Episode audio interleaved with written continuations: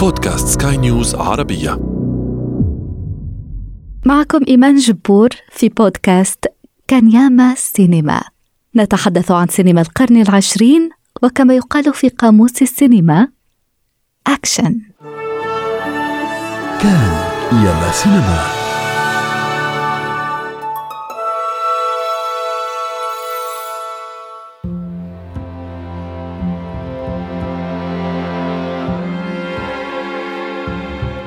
ثمة أسباب وجيهة عديدة تجعل هذا الفيلم مميزا ومحبوبا.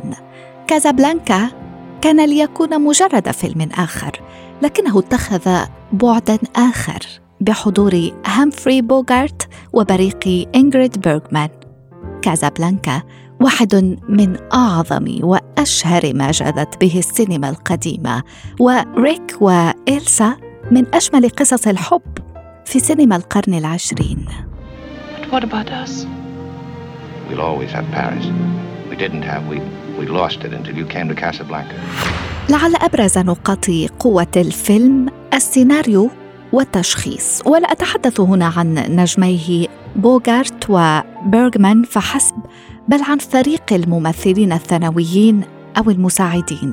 كازابلانكا شكل المزيج المثالي لأداء الممثلين للشخصيات والحبكة التي رغم كونها معقدة بعض الشيء لكن لا يسعنا سوى الإعجاب بالسيناريو الذي يصنف من بين الأروع في تاريخ السينما. والمخرج مايكل كورتيس أبان في التصوير عن حنكة وذكاء كبيرين وموسيقى ماكس شتينر اضفت بدورها مزيدا من القلق على الفيلم Play it once, Sam. For all time's sake. Play as time goes by. Oh, I can't remember it myself. I'm a little rusty on it. I'll hum it for you. Da-da-da-da-da-da. You must remember this. A kiss is just a kiss. A. تدور احداث كازابلانكا في كازابلانكا المغربيه مطلع الأربعينيات. في مغرب مستعمر إبان نظام فيشي في فرنسا يدير المغترب الأمريكي ريك ال Rick's Café في أحد الأيام. تأتيه حبيبته السابقة إلسا وزوجها طالبين المساعدة للمغادرة صوب الولايات المتحدة فرارا من بطش النازيين. وهنا تبدأ المشاكل. Of all the gin joints in all the towns in all the world, she walks into mine. مشهد الجنود الألمان في مقهى ريك عندما تقابلهم الأوركسترا بعزف المارسييز نشيد فرنسا الوطني ويشرع الجميع في الغناء باستثناء الألمان طبعا يبقى مشهدا فذا يتصدر العديد من المعالم البارزة في الفيلم بعد مرور أكثر من ثمانين عاما لا يزال المرء يشعر بالإثارة.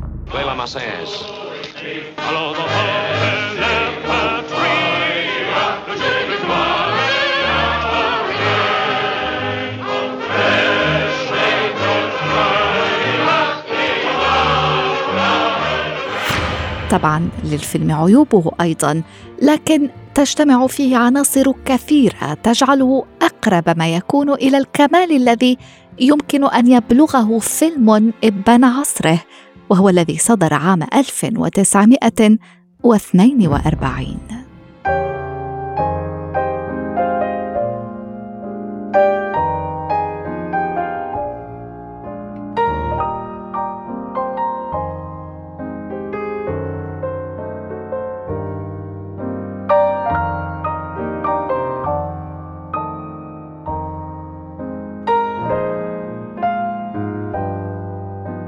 الناقد السينمائي مصطفى الكيلاني تسعدني جدا استضافتك معي. لا أحد ربما ممن شارك في صناعة فيلم كازابلانكا كان ليتوقع النجاح الذي حصده هذا الفيلم. كان مجرد فيلم آخر لورنر براذرز خصصت له ميزانية محدودة وعلى غرارها كان سقف التوقعات محدودا بدوره. مصطفى الكيلاني برأيك أليس من الحيف القول إن حظوة كازابلانكا كانت مسألة حظ؟ أقدر أقول إنه فيلم زي كازابلانكا هو حصد ثلاث جوائز أوسكار بالمجهود الذي بذل فيه في هناك للحظ دور طبعا كثير من جوائز المهرجانات الكبرى يلعب فيها الحظ دور قد يكون كبير لكن على ما أظن إنه تصنيفه كواحد من أفضل 100 فيلم في تاريخ السينما العالمية يؤكد أن دور الحظ كان قليلا في كازابلانكا. الفيلم حصد ثلاث جوائز أوسكار أفضل فيلم وأفضل مخرج لمايكل كورتيز وأفضل سيناريو ذهبت إلى جيليوس أبشتاين فيليب أبشتاين وهوارد كوتش الثلاثة اللي كاتبين السيناريو وهو لم يحصل على جائزتي التمثيل لهامفري بوجارت وأنجريد بيرجمان رغم إنه الاثنين كان أدائهم واحد من أهم أسباب نجاح الفيلم لكن كثير من الممثلين المشاهير قد لا يحصلون في أعظم أدوارهم على الأوسكار ويحصلون على الأوسكار فيما بعد في أدوار قد تكون بالنسبة لي النقاد أقل قليلا. الفيلم عرض في عام 1942 أحداثه تدور في كازابلانكا المغربية التي لم يزورها اي أي من كتاب السيناريو قبلا ولا حتى المخرج ولن يزورها حتى بعدها.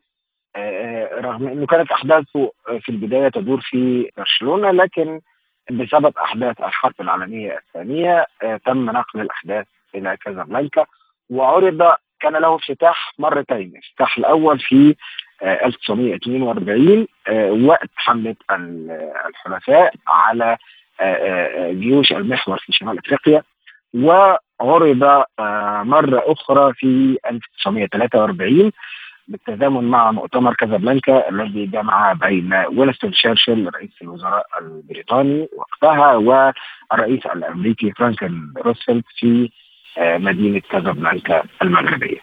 الفيلم بيتكلم عن تفاصيل مرتبطة بالحرب العالمية الثانية حصل على ثلاث جوائز أوسكار تدور أحداثه حول مغترب أمريكي يساعد حبيبته السابقة وزوجها الهارب في الفرار من كازابلانكا اللي كانت وقتها تحت الاحتلال الفرنسي. والزوجة اللي بتعمل على الحصول على دعم الحبيب في مساعدة الزوج للهروب من سلطات الاحتلال الفرنسي. الناقد السينمائي مصطفى الكيلاني شكرا جزيلا لك. مستمعينا الكرام إلى العدد المقبل.